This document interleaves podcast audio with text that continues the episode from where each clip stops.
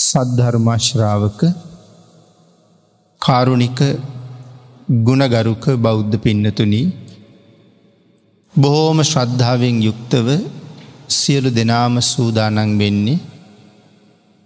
තෙලෝගුරු සාන්තිනායක සම්මා සම්බුදුරජාණන් වහන්සේ විසින් දේශනා කොට වදාළ නිර්මල ධර්මරත්නයෙන් අබමල් රේනුවකටත් වඩා අඩු බොහෝම පුංචි කොටසක් දේශනා කරවගෙන ධර්ම ගෞරවය පෙරදැරි කරගෙන ඒ දේශනාගත ධර්මය ශ්‍රවණය කරලා ධර්මයෙන් ලැබෙන අවවාද තමන්ගේ ජීවිතයට එකතු කරගෙන මෙලව ජීවිතයෙන් නිවැරදි කරගෙන පරලොව සුගතිගාමී කරගෙන අවසානයේ ප්‍රාර්ථනා කරන බෝධීෙන් සැප සහිත ප්‍රතිපදාවෙන් ඉතාම ඉක්මං භවයක උතුම් චතුරාර් සත්‍ය ධර්මය අවබෝධ කරලා සසරින් එතරවීමේ පරමාර්ථය ඇතුව. උතුම් ධර්මදානානි සංසයත් ධර්මශ්‍රවනානි සංසයත් ඒ බලාපොරොත්තු මුදුන් පත්කර ගැනීම සඳහා හේතුවේවා කියල ප්‍රාර්ථනා කරනවා. පින්නතන අද ධර්ම දේශනාවෙන් අපි සාකච්ඡා කරන්නේ පරාභව සූත්‍ර දේශනාව. මේ දේශනාවේ එක කොටස අපි මීට කලින් සාකච්ඡා කරන්න යෙදුණා. ඒ සූත්‍රයේ උත්පත්තිය සහ තවත් කරුණු කීපය. භාගිතුන් වහසේ දේශනා කොට වදාළ පළවෙනි ගාථාරත්නයම තමයි අපි සාකච්ඡා කරමින් ඉන්න. ඉතිං එක්තරා දිව්‍යපුත්‍රයෙක් බුදුරජාණන් වහන්සේගෙන් සියලු දෙවිවරු නියෝජනය කරමින් ඇහුවනි ස්වාමීණී පිරිහීමට හේතු කරුණු මොනවද කියලා. ඉතින් ඒ වෙලාව අපේ භාගිතුන් වහන්සේ සුවිජානෝ භවංහෝති සුවිජානෝ පරාබව්. දම්ම කාමෝ භවංහෝති දම්ම දෙස්සී පරාබව්. කියන මේ ගාථාරත්නය දේශනා කළ. එතකොට දම්ම දෙස්සී පරාබව්. ධර්මයට දවේශී වෙච්චාය එකැන විරුද්ධ වෙච්චාය මෙලවත් පරලවත් දෙකේම පිරිහෙනවා කියන කාරණාවම තමයි අපි සාකච්ඡා කළේ. එතකොට මේ ධර්මයට දේශී වෙච්චාය විරුද්ධ වෙච්චාය. දස අකුසල කර්මපත රැස් කරනවා. ධර්මයට පිටු පානාය. එතකොට දැන් දසාකුසල කර්මපත මොනවද කියලා අපි දන්නවා. කයෙන් කරන වැරදි තුනයි වචනයෙන් කරන වැරදි හතරයි හිතින් කරන වැරදි තුනයි. එතොට කරුණු දහයයි. මේ කරුණු දහය තුළ යමෙක් කටයුතු කරනවන. මනුස්සලෝක ජීවත්වෙන කාලේ අතීතයේ රජදරුවෝ ඒ අයට දෙතිස් වදබන්ධන කියන මහ භයානක වදයන්ට පැමිණිව්වා. අපි ඔය කරුණුට්ටික පළවෙනි දේශනාව සාකච්ඡා කළා. අදත් එහෙම වදබන්ධන දකිින්ට නැතිවුණාට මේ තිදොරින් අසංවර වෙච්ච මේ වැරදිවල නිරත වෙච්ච අයට සමාජයේ හරියට තාඩන පීඩන නඩු හබවලට මූුණ දෙන්න සිද්ධවීම සමහර වෙලාවට සාමාන්‍ය ජනතාවගින් ගුටි කණ්ඩ සිද්ධ වෙන අවස්ථා. මරණයට පත්තෙන්ටත පවාතියෙන අවස්ථා බොහොම වැඩි.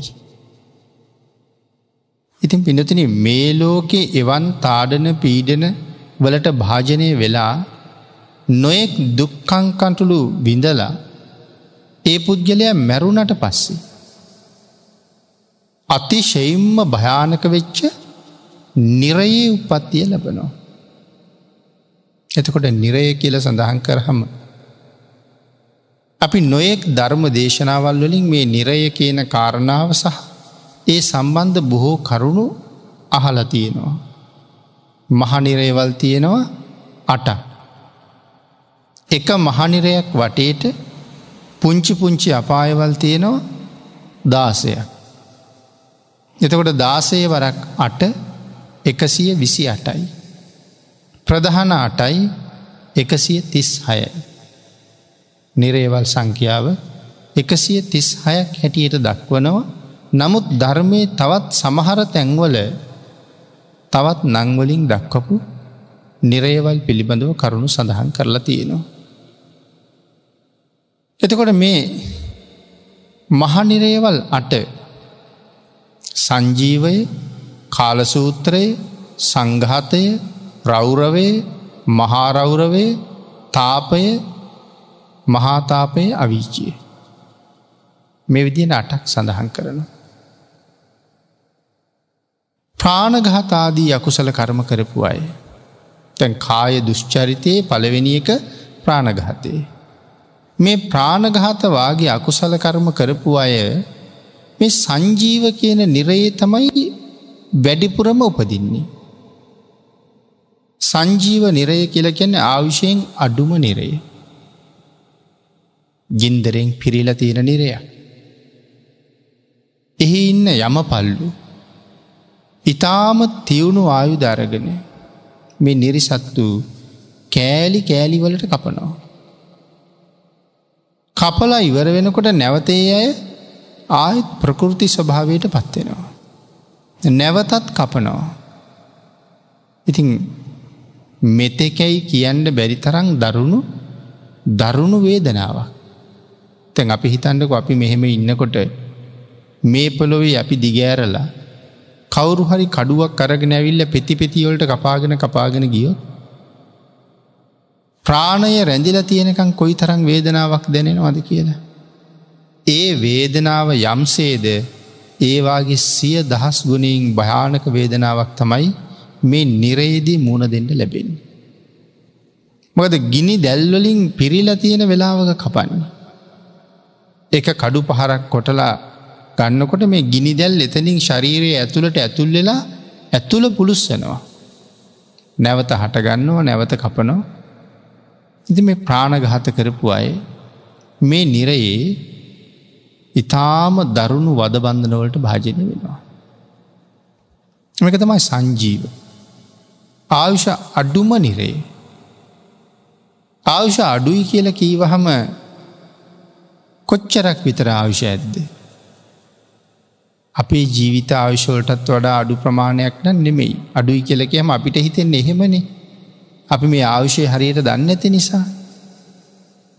සංජීවයේ ආවිෂය චාතුම් මහාරාජිකයේ අවශ්‍යත් එක තමයි ගණනය කරලා තියෙන්නේ. චාතුම් මහාරාජික දෙවියන්ගේ ආවිෂ මනුස්සවර්ෂයෙන් අවුරුදු ලක්ස අනුවක්. අපේ අවුරුදු ලක්ස අනුවක් ඒ දෙවියන්ට ආවිෂය. එතකොට මේ ලක්ස අනුව මේ සංජීවයට එක දවසයි. ලක්ස අනුවේ එව්වා තිහක් මාසයයි. එවන් මාස දොළහක් අවුරුද්දයි. එවන් අවුරුදු පන්සීයක් සංජීවයට අවශ්‍යයි.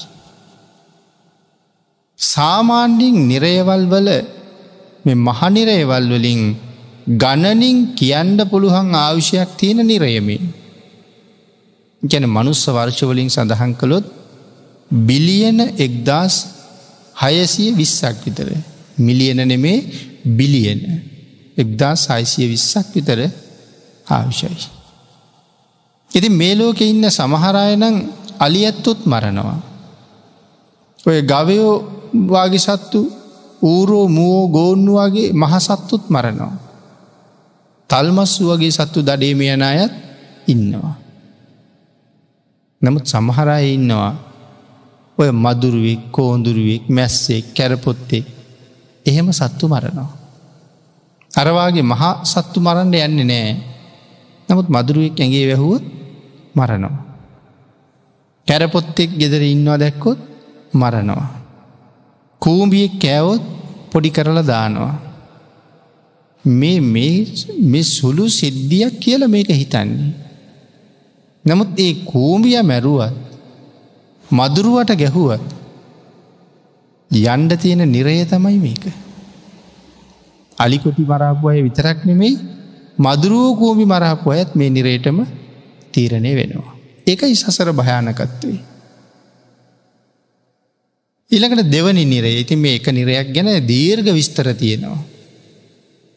අපි මේ මේ ලෝකයේ අසත් පුරුෂව අකුසලයට බරව ජීවත්වෙච්චාය පිරිහෙන හැටි පැහැදිලි කරලා තියෙන කාරණාව තමයි මේ කෙටියෙන් සාකච්ඡා කරන්න. කාලසූත්‍රයේ තෙවනියපයි මේ කාලසූත්‍රයේ මේ යමපල්ලු මහා හඬ නගාගෙන ඇවිල්ලා ගිනිගත්ත ආයුධවලින් ඇනල නිරිසත්තු යකඩ පොළුවේ පෙරලනවා. නිරයේ බිම යකඩින් හෙදිල තියෙනව කියල කියන්නේ. තනිකරම ගිනි අරං අඹදලුවාගේ රතු වෙලා තියෙන. ගිනි දැල් මතුවෙවී තියෙන. ඒ පොළොවි පෙරලෙනවා. ඒ පොළොවේ පෙරලලා අරගෙන එනවා කියනවා පොරොව සොල්දොරගේක පලයක් වගේ කියල කියනවා ඒ පොරවා. නිරිසතත් ලොකුයිනේ සාමාන්‍යෙන් ගෞතුනක් විතර උසයි කියල කියන සාමානින් නිරිසති. අරගෙන ඇවිල්ල අර පොරොවෙන් පලනවා. අපි අර පොල් කඳන් තල් කඳන් පලනවා වගේ එ පොරොවෙන් පලනවා. පලලා හතරැස් කරනවා. හය පට්ටන් කරනවා. අට පට්ටන් කරනවා. සොලොස් පට්ටන් කරනවා මේවාගේ එක එක හැඩවලට යාල පලනවා. හැබැයිතින් පොරෝ පාරක් කොටල පොරෝ පාරාපහු පොරෝ ගන්නකොට එතනින් ඇතුළට යන ගිනිදැල් ඇටකෝටුවල ඉඳල පුළුස්සනවා. ආං එහෙම කරනකොට වෑය අපි වෑය දන්නවා. ඒ වෑය අරගෙන ඉනකට රහිනවා ඉතාම හීනිවෙන්ට රහිනවා වෑයින්. පොරොවෙන් එක එක පට්ටංවලට හදල වෑයෙන් රහිනවා. ඉති කර්මය නිසා මැරෙන්නේ නෑ තැන් හිතන්නක අපි මෙහෙම ඉන්නකොට කවරු හරි බිමදාගෙන වෑයක් කරන්න රහින්ඩ ගත්තු. කොයිවාගේ ස්වභාවයක් ද තියෙන්නේ කියලා. ඊට වඩා දරුණු ස්වභාවයක් මෙතන තියෙන්නේ. වෑයත් ගිනි අරගෙන පොළොවත් ගිනි අරගෙන නිරන්තරයෙන් ගිනි දැල්නැගෙනවා. එවන් වෙලාවක රහින්නේ. එහෙම රැහැල ලනුවලින් බැඳල රතවල ගැටගහනවා. දැඟර රැහැල තියෙන පුද්ගලයා රතවල ගැටගහලා අර අඹ දල්ලවාගේ රතුපාට වෙලා තියෙන යකඩ පොළොවේ ඇදගෙන යනවා. එක තමයි මේ නිරේ තියෙන දුකේ ස්වභාවේ. ඉතින් ඊට සාපේක්ෂ තව නොයෙක් ආකාරී දුක් කංකටුළු මෙතන තියෙනවා. තුන්වෙනියට තියෙන්නේ සංඝාත කියන නිරේ. සංඝාත නිරේ ඉන්න අය තමන්ගේ ඉන්න ගාවට එනකං. මේ යකඩ පොළොවේ එරිලා ඉන්නේ. එකැන ඉනෙන් පල්ලැහැ කොටස තියෙන්නේ පොළොව ඇතුළේ තනිකරම ගිනි ගොඩ එක ඇතුළෙ තියෙන්නේ. ඉනෙන් උඩ කෑල්ල තමයි මතු වෙලා තියෙන්නේ. එනිසාම එහාට මෙහාට පැද්දෙන්ට කරන්න මුකුත් බෑ. හැබ මේ නිරේ මේ නිරිසත්තු මෙහෙම දැවි දෙවී ඉන්නකොට ගිනිගත්ත යොදුන් ගනන් දිග මහ විශාල පරුවත තන්නිකර ගිනි අරන්තියෙන්. බැලූ බැල්මට මුදුන නොපෙනෙන තරන් මහ පරුවත. රෝල්ලෙවී රෝල්ලෙවී එනවා. මහා හඬ නැගෙනව රෝල් එනකොට. එතකට මේ නිරිසත්තුන්ට මොකද වෙන්නේ. අබ තලවාගෙදේවල් තලනකොට පොඩි වෙන්නේ යම්සේද උග්ගහක් මේවාගේ යමකින් තලාගෙන ගියොත් කොහොම මිරිකෙනවද මෙ නිරි සත්තු ඒ තරමට තැලිල මිරි කියලා යනවා කියල සඳහන් කරන. කැබැතින් ඒ පරුවතය එහාට ගියාට පස්සේ කරුමය නිසා මේගොලු ආයෙත් නැගිටිනවා. ඉතින් බටහිරින් ආපු පර්වතය එහාට ගිය නැගෙනහිරට ගිය හම දකුණින් පර්වතයක් කියෙන උතුරු පැත්තට. ඊළඟට ඒකට තැලෙනවා. ඊට පස නැගෙනහිරින් බටහිරට පරවතයක් යනවා. ඒකට තැලෙනවා. උතුරෙන් දකුණට පරවතයක් එනවා. ඒකට තැලෙනවා. සමහර වෙලාවට දෙපැත්තෙන් පරුවත දෙකක් ඇවිල්ලා මගදි එකතු වෙනවා. එතට අර මැද්ද ඉන්න අය ඒගොල්ලො බිමට හේත්තු වෙලා තැලිලා නැහැ නමුත් අර පර්ුවත දෙකට හේත්තු වෙලා තැලිලා. අන්න එහෙම ඉතාම දරුණු දුකක් බිඳිනවා කියල සඳහන් කරනවා මේ සංඝාත කියන නෙවෙයි. විශේෂයෙන් කාන්තාවන් මේ සංඝාත නිරයේ ඉපදිලා ඉන්නවා කියන කාරණාව සඳහන් කරනවා. වැරදිකාම සේවනය කරපු අය දුක් පිඳින තවත් එක නිරය මට්ටමක් හැටියට සමහර තැන්වල පැහැදිලි කරලා තියෙනවා. ඊළඟට පිනතින තියෙන්නේ රෞරව කියන නිරේ. මේ රෞරව නිරය ශරීරය ගිනි අරගන දවන දුමක් තියෙන්නේ. ඇතුළ පුච්චනවා. ශාර වූ දුමක් ඒ දුම ගිනියම් වෙලා තියෙන්නේ. දැන් මනුස්සලෝකෙත් අපි දුම් දැකල තියෙනවා අපිට දුම් වැදිල තියෙනවා. නමුත් ඒ දුමේ කිසිම උණුසුමක් අපිට දැනෙන්නේ. නමුත් මේ දුම උණුසුමයි ගින්දරත් එක්ක වගේන්නේ. ශරීරයේ නවදොරින් ඇතුල් වෙනවා. ඇස් දෙකෙන් ඇතුල් වෙනවා කන් දෙකෙන් ඇතුල් වෙනවා නාස්පුඩු දෙකෙන් ඇතුල් වෙනවා මුකයෙන් ඇතුල් වෙනවා මළමූත්‍රා පහකරන දොරටුවලින් ඇතුල් වෙලා සම්පූර්ණ ශරීර අභ්‍යන්තරයේ පුච්චනවා. මෙතෙකැයි මේ වේදනාව කියලා නිමක් නෑ. එතරං මහා ශාර දුමකින් නවදොරින් ඇතුල් වෙලා දවන දුකක් මේ රෞරව කියන නිරේ තියෙනවා. ඊළඟට තියෙන මහා රෞරවේ. රක්ත ලෝහිතයෙන් පිරුණු ඉතාම බලවත් දුක් විඳින නිරය. රක්ත ලෝහිතයෙන් පිරිල තියෙනවා කියල කියන්නේ. ය රතුපාට ලෙයින් ගිනියම් වෙච්ච ලෙයින් පිරිල තියෙන්නේ. නිරිසත්තු මේක මෙතකැයි කියාගණ්ඩ බැරි අපමණ දුකක් විඳිනවා. ඒ මහාරවුරවේ ඉළඟට තියෙන තාපයේ මේ තාපය කියන නිරයේ මේ ගිනිගෙන දිලිසෙන පොළවේ ගිනිගෙන දිලිසෙන යකඩ උල් හිටවලා තියෙන්. පොළොවෙන්ම මතුවෙච්ච යකඩ උල් තියෙනවා. යම පල්ලු කරන්න අර මිනිස්සු නිරිසත්තු අරගෙන අරුවගේ උල තියෙනවා. පොළොවත් ගිනියන් වෙලා හාත් පසත් ගින්දරයි මේ උලත් ගිනියන් වෙලා තියෙන එක උඩ උල තියෙනවා. අං එහෙම විඳින මහා දුක්කන්දරාවක් මේ නිරේ තියෙනවා. ඉතින් නිශ්චලව උලේ ඇමිනිලා දැවි දෙවී දෙවි දෙවී ඉන්නවා. ඒ ඇමිනිච්ච වේදනාවත් දරනවා දැවෙන වේදනාවත් දරනවා හෙළවෙන්ඩ පෙරලෙන්ඩ විදිහකුත් කොහොමත් නෑ. මැරෙන්නෙත් නැහැ කර්මය බලවත් නිසා. මැරුණොත් එවලෙම අපහු උපදිනවා ඒ කරුමය විසින්ම අපහු එතනම උපද්දවනවා. ඊළඟට තියෙන ප්‍රතාපයේ මේ ප්‍රතාපය කියන නිරය හරියට යමපල්ලෝ අති භයානක බහිරව රූපවාගේ කියල කියන්න. එතරම් භයානක පෙනුමක් තිය නිරිසත්වන්න. මහ ගිනියගුරු කඳු තියෙන්නේ. යකඩ උල් බිවිධ උල් ආයුධ ඇරගෙන ඇවිල්ල මේ නිරිසත්තුන්ට අනිනවා. ඇනල කියනවර ගිනියගුරු කන්දදිගේ නගින්න කියලා. පහර දෙනවයි වගේ නගින්ඩ කියන උඩට. ඉතින් කරන්න දෙයක් නෑ බැලූ බැල්මට තරන් කෙරවලක් නොපෙනට තරම් ගිනියගුරු කඳු තියෙන්නේ. ඉති නගින්ඩ නගින්ඩ නිතන්නක අගුරු කන්දක ගොඩ වෙනකට අර වී ගොඩක ගොඩ වෙනවායි කකුල් කඩාගෙන ඇතුළට යනවා. පිලිස්සෙනවා නිමක් නෑ. නමුත් කර්මය නිසා ඊළඟට නැවත පයෝසෝලා තියන්ට පුළුහංකම තියෙනවා. ඉතින් එහෙම දෙවි දෙවී දෙවි දෙවී නගිනෝ නැංගෙ නැත්තන් රායුදෝලින් පහර දෙනවා. මෙහෙම නැගල නැගල සෑහෙන දුරක් නැංගට පස්සේ. මහ භයානක හඬ නගාගෙන හමාගනයන ගිනියම් වෙච්ච හුළං තියෙනවා. ආංගේ හුළඟත් එක්ක ඔරොත්තු දීලා අර උඩට තව නගින්න බෑ. සමහරය උඩට යනවා සමහරය මඟ ඉන්නවා ඉට පසේ නිරිසත්තු ආපහු වැටෙනවා.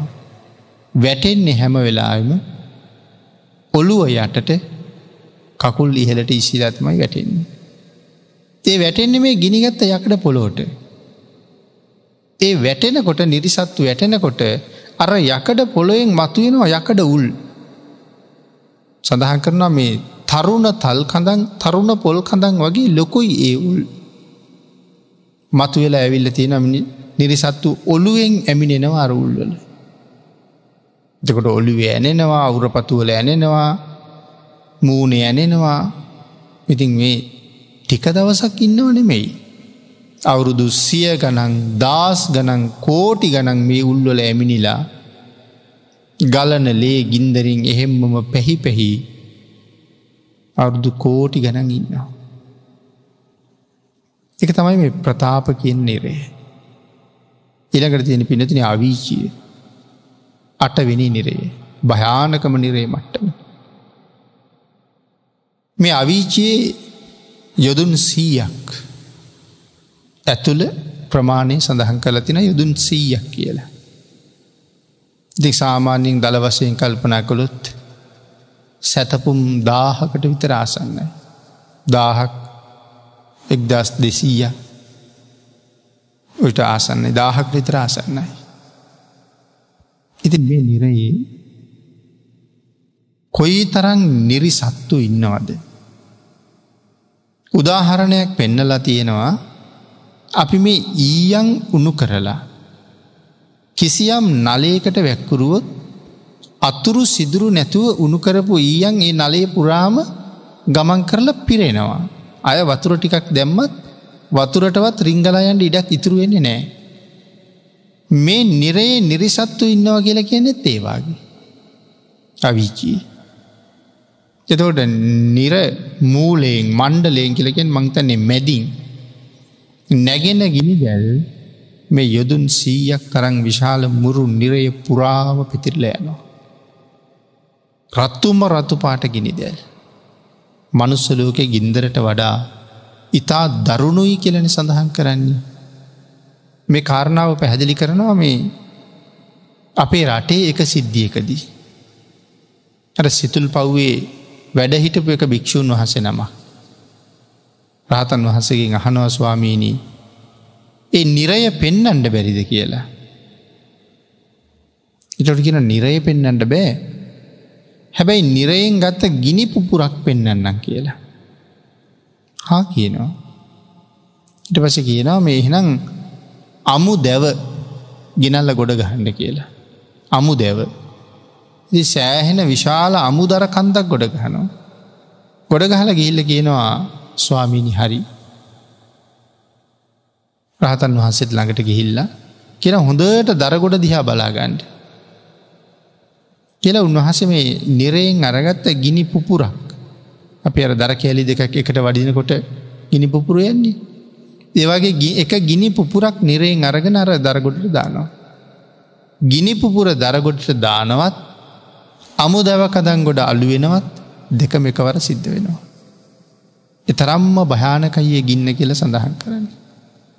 එවන් ගිනි ජාලාවක් තමයි මේ අවිචී තියෙන්නේ. මේ තරං නිරිසත්තු ඒ අවීචයේ දුක්කිඳිනවා. එතකොට මේ තියෙන්නේ මොකක්ද මේ පරිහානිය. දස අකුසල කරුම රැස් කරලා මෙලවත් පිරිහුණා මිනිස්සුන්ගෙන් නින්දා පහස ලැබුව මිනිස්සුන්ගෙන් බනුන් ඇහුවා තාඩන පීඩනවලට ලක්වුණා නීතියෙන් දඩුවන් ලැබුව මේවාගේ නොයෙක් හැලහැප්පීමවලට ලක්වෙලා ඊළඟට මැරිල ගිහිල්ලා නිරේ ඉපදෙනවා. මේ නිරයේ ඉපදුනා කියලා නිරේ ගෙවන කාලය අති දීර්ගයින දැන් පලවෙනි නිරේ මට්ට මේ ආවිෂ සඳහන් කළා මනුස්සවර්ශයෙන් අවුරුදු ලක්ෂ අනුවක් එක දවසයි කියලා. එතකොට මේ දෙවනි නිරේට නැත්තන් කාල සූත්‍රයට කොච්චර ආවුෂ ඇද්ද. අවුරුදු තුන්කෝටි හැට ලක්ෂයක් කාල සූත්‍රයට එක දවසයි.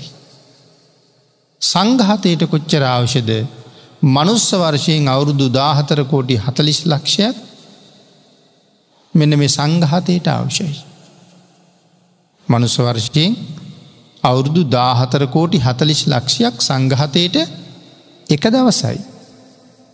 එතකොට දාහතර කෝටි හතලිස් ලක්ෂයේ වූ අත්තිහත් මාසයයි එවන් මාස දොළහක් අවුරුද්දයි. ඉතින් සාමාන්‍යෙන් ආයුෂ තියෙනවා එවන් වර්ෂ විශාල ප්‍රමාණයක්.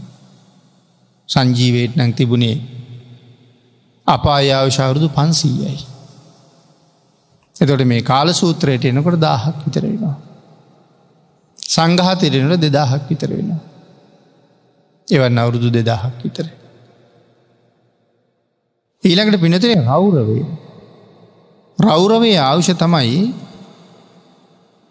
මනුස්ස වර්ශෝලින් අවුරුදු පනස් හත්කෝටි හැට ලක්ෂය. මේ රෞරවට එක දවසයි. පනස් හත්කෝටි හැටලක්ෂයවත් තිහක් මාසයයි. එළකට තින්නේ මහා රෞරවේ. මනුස්ස වර්ශයෙන් අවුරුදු දෙසිය තිස්කෝටි හතලිස් ලක්ෂයක් එක දවසයි. ඊළකට තියෙන්නේ තාපය මනුස්ස වර්ෂයෙන් අවුරුදු නමසිය විසියෙක් කෝටි හැටලක්ෂයක් එක දවසයි කියල සඳහන් කරන්න. මනුස්ස වර්ෂ නමසය විසියෙක් කෝටි හැටලක්ෂයක් එක දවසයි. ඉතින් දිවිය ලෝක හයයිනෙ තියෙන්නේ. එතොට අපායවල් හයක් ගැන කිය හම ඒ අවුෂය ඉවරයි. ඊළඟට තියන්නේ ප්‍රතාපය හත්තෙන අපායි අන්තර්කල්ප භාගයයි කියල කියන්න. හත්තන අපාය අවශ්‍ය අන්තර්කල්ප භාගයයි. අටවෙනියට තියෙන අවිශ්්‍යය අන්තර්කල්ප එකයි. එතකොට කොහොමද අවිචී ආවුෂ ලියන්නේ අවිචී ආවුෂ අසංක්‍ය අසංක්‍ය කියල කියන්නේ එකයි බිඳු එකසිය හතලිහකින් ලියන ගානක්. එකයිබින්දු එකසිය හතලියේ ගොඩවල් අසූ හයලක්ෂ හතලිස්දා. අවිචයේ මුළු ආයු කාලය අසංක්‍ය අසූ හයලක්ෂ හතලිස්දාහක් අසංකයට ආක්ෂයි. එකන අන්තර්කල්ප එකයි. ඉතින් කොච්චර නිරිසත්තු ඉන්නවාද එක සඳහන් තමයි සඳහන් කළේ නලයකට පුරුවපු ඊයන් වගේ කියලා. එතකොට කරුම කරපු සත්වයා ඉන්නෙම නිරේවල් වල. මනුස්ස ලෝකෙ ජීවත් වෙනවනං යම් පිරිස ඒ මිනිස්සු මැරුණ හම භාගිතුන් හස දේශනා කළේ. මෙ නිය අග තියෙනවනං වැලි ප්‍රමාණයක් භාගිතුන් වහන්සේගේ ඊටත් වඩා අඩු පිරිසයි ආපහු මනුස ලෝකෙටෙන්නේ. මහපොළොවේ වැලි වගේ අනික් ඔක්කොම යන්නේ මෙ නිරේවල්වලට. ඉතින් තව ඔසුපත් නිරයන් එකසිය විසි අටක් ගැන අපි මුකුත්ම කතා කළේ නෑ. ලෝකුඹු නිරේ තියෙනවා. උනුවලු නිරෙහි තියෙනවා. ත මේවාගේ නිරේවල් ගණනාවක් තියෙන.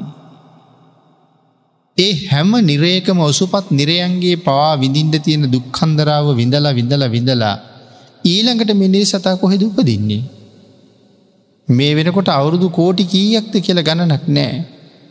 කෝටි දස් ගන ඔය දුක විඳලා ඊළඟට ඇවිල්ල උපදිනවා තිරිසං ලෝකී. තිරිසං ලෝකයේ මොන තරං නන් දුකයිද. කණ්ඩ තියෙන දේවල් ගැන හිතන්ට. ද සමහර සත්තු ඉන්නවා කොල කාලා ජීවත්වෙනවා. සමහර සත්තු කටුත් එක්කම කොල කනවා. තව සමහර සත්තු ගස්වල කඳම් පවා කනවා. තැන් අලිය ඇත්තුවාගේ සත්තු කිතුල් ගස් පලාගෙන පොල් ගස් පලාගෙන එ කඳන් කන්නේ කොයි තරං රලුද බලන්ඩේ ආහාර කොලත් කනවා කඳනුත් කනවා. සමහරය තනකොළ කාගෙන යනවා. සමහරයි කටුපඳුරු කාගෙන යනවා. තැම රස ඇද්ද මේ කෑම්. අපිට හිතන ඇති ඒ අයට රස ඇති කියලා. නමුත් පින්නතින ස්වභාවයෙන්ම අපි කාලා බැලුවත් රස නෑන මේ තනකොළ. එතකොට අද මේ රසනැති කටු සහිත කෙන්දි සහිත රලු වූ තනකොළ කකා මේ ජීවත්තෙන් නෙවී මේ කවුද ඇත්තරම. මේ වෙන කවුරුවත් නෙමෙයි. අපි වගේම කාලයක් බොහොම රසට උයලා තෙලට කිරට මිරිසට රසට කාපු අය මේ ඉන්නේ. නමුත් අද කිසිම රසක් නැති තනකොළ බුදිනවා. කාලයක් ඉතා මොහොඳට රසට කෑව අද තනකොළ කනවා. මනුස්සලෝක හිටපු අය නමුත් ඇයි ඒගොල්ලො මේ තත්ත්වයට පත්වෙලායින්නේ. මේ ලෝකෙ කරන්න තියෙන හැමදේම කලට වෙලාවට හරියට කරගත්තා.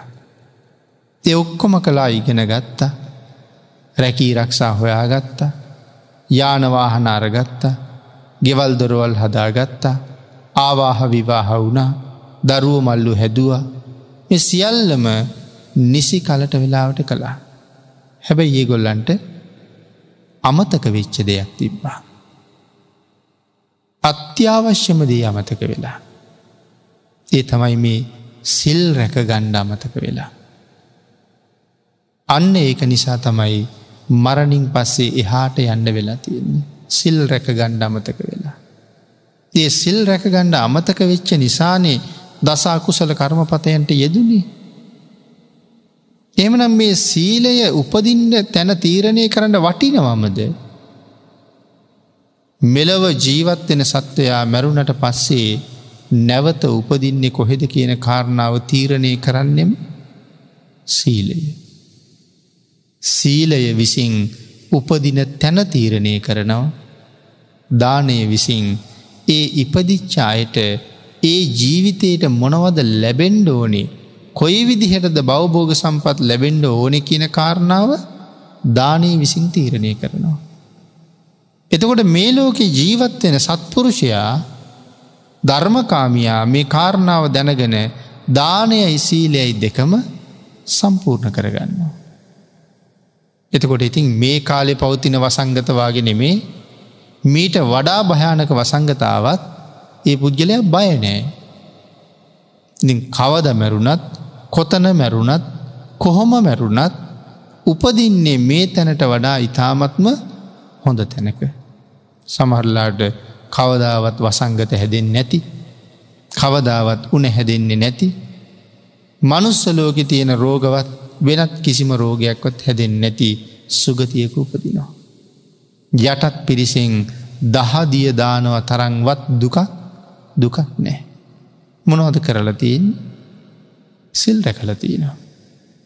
දන්දීල තියෙනවා. නැවත මනුස්සාත්මික උපත්තිය ලැබුවත් උතුරන්ඩ දන සම්පත් හම් වෙනවා.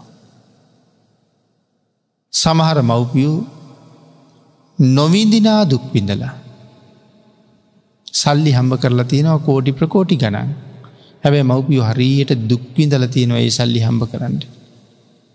හැබැයි ඒගොල්ලන්ට ඉපදිච්ච දරූ ඉන්නවා ඒගොල්ලන්ට දැන් කිසිම දුකක් නෑ. ඇයි කෝටි ගණන් හම්බ කරලා තියෙනවා. දැ බලන්න කොයි තරං පුුණ්්‍යවන්තද කියලා. හරි හම්බ කරන්න තියා කිසිම දුකක් විඳින්න දෙයක් නෑ. පරම්පරාගානකට ඇතියෙන්ට මව්පියෝ දහදුක් විඳල හම්බ කරලා තියෙනවා. ඉතින් එවන් පවුලක ඇවිල්ල පිළිසිඳ ගණ්ඩ සසර කොයි තරන් පින් කරලද. එකන්නේ මනාව දන්දීල. මනාව ප්‍රාර්ථනා කරලා. දැ අපි සෝන සිටුවරයා. අපි පිනතුන් බණට අහල ඇති මේ යටිපතුල්ලල ලෝම තිබුණ කියල සඳහන් කරන්න. සෝන භික්‍ෂූ මේ සිටුවරේ කෙටියට ඉන්න කාලේ. ඒ කියන්නේ දැ අපි මේ කාලෙ දකින්න ෑන යටිපතුල්ල ලෝම දෙන්ඩ හේතුවක් නෑ මේ රලු පොළොව පාගපාග අපි යන නිසා ලෝම එන්න හැටියක් නෑ. නමුත් මේ සිටුවරය පයින් යන්නේ ඇවිදින්නේ නැතුවනෙමේ. තාම සිනිදු බුමුතුරුන් මත තමා ගමන් කරන්න. පයට රළුවක් දැනෙන්නෙම නෑ. එහෙමවත් ඇවිදින්ට හේතුවකුත් නෑ. යම් සේවකයකුට යම් කාර්යක් කියහම මට අහවල් වැඩේ කරන්න මේක කරන්න කියලා ඒ සේවකයක අත පහුවුණොත් සේවකයාතින්. සෝන කුමාරය අහනුව කියන මේ මම කකුල බිම තියන්නද කියලා හනවා කියන්නේ. ඒ කකුල බිම තිබොත් මොනොවයිද සේවකයට එයාට දරන්ඩ බැරි තරං ඔලු එකැක්කුමක් හැදෙනවලු. ඒ නිසා යම් වැඩක් පැවරුවොත් එක වහාම ඉවර කරනවා. ඇයි කකුල බිම තිබ්බොත් තිවරයි. එතකොට දැන් ඒවාගේ අවස්ථා ලැබිල තියෙන්නේ තමන් යම් කාර්යක්ද හිතන්‍ය කරගණ්ඩේ හිතන මොහොතට කෙරෙන්ඩ. සංසාරි කරලා තින කුසල කරමයන්ගේ හැටි. ඒක නිසා භාගිතන් වහස දේශනා කරනවා මේ ජීවිතය තුළ අප්‍රමාදීවෙන්ඩ. හැම වෙලාම කුසලය උදෙසා මහන්සිවෙන්ඩ. අපි කම්මැලිම කුසල් කරන්නනේ. යම් කෙනෙක් කුසලය උදෙසා මහන්සි වෙනවා කියලා කියන්නේ තමන්ගෙන් සැපය වෙනුවෙන් මහන්සි වෙනවා කියන එක. නැ අපි මහන්සි වෙනවා ඉගෙන ගණ්ඩ මහන්සි වෙනවා රස්සාාව හොයා ගණ්ඩ මහන්සි වෙනවා ව්‍යාපාරය දියුණු කරගණ්ඩ මහන්සි වෙනවා මේ කොච්චර ඉගෙනගෙන කොච්චර මහන්සි වෙලා හරි. කෝටි ගණන් හම්බ කළත් ඒ ඔක්කොම මෙහෙ දාලාපි අන්ඩි බැයි මේ අම්භ කරපුවාගෙන් සත විසි පහක්වත් ගෙනියන්න බෑ අපිට. හැබැයි ඒ මහන්සි වෙනවා වගේම මේ කුසල් රැස්කරගණ්ඩත් මහන්සේලා තිබුණ නං ඒ රැස්කරගත්ත සියලුමදේ මෙලොවින් යනකොට කාටවත් දීලා යන්නේ දීලා යන්නේ නෑ. ඒ ඔක්කොම අපි අරං යනවා. අනික් බෞතික දේවල් ඔක්කොම ලෝකයට දීලා යනවා. අන්න ඒක නිසා කුසලයට මහන්සි වෙන්ඩුවනේ. භාගිතුන් වහස දේශනා කළේ මහනෙන මේ ලෝකේ සැපයට කියන තව නමක් තමයි පින කියල කියන්නේ. මාපුුණ්‍ය භායිසූත්‍රී. සැපයට නම පින. යම් කෙනෙක් පින් රැස් කරගන්නවා කියල කියන්නේ ඔහු මොනවද මේ රැස් කරන්නේ. සැපරැස් කරගන්නවා. මේ ලෝක වසයනුත් පරලෝක වසයෙන් ඉතා උසස් විදිහටත් විඳින්ට මේ සැප තමයි රැස් කරන්න පින් රැස් කරනවා කියලා. එතකොට අනාගත ජීවිතයේ කිසිම දෙයකින් අඩුවක් නැතුව සැපවත් ජීවිතයක් බවට පත්කරගන්න නං මේ ජීවිතෙන් පස්ස ජීවිතය. ඒ සඳහා වෙහෙසෙන් ඕනේ මමම තමයි.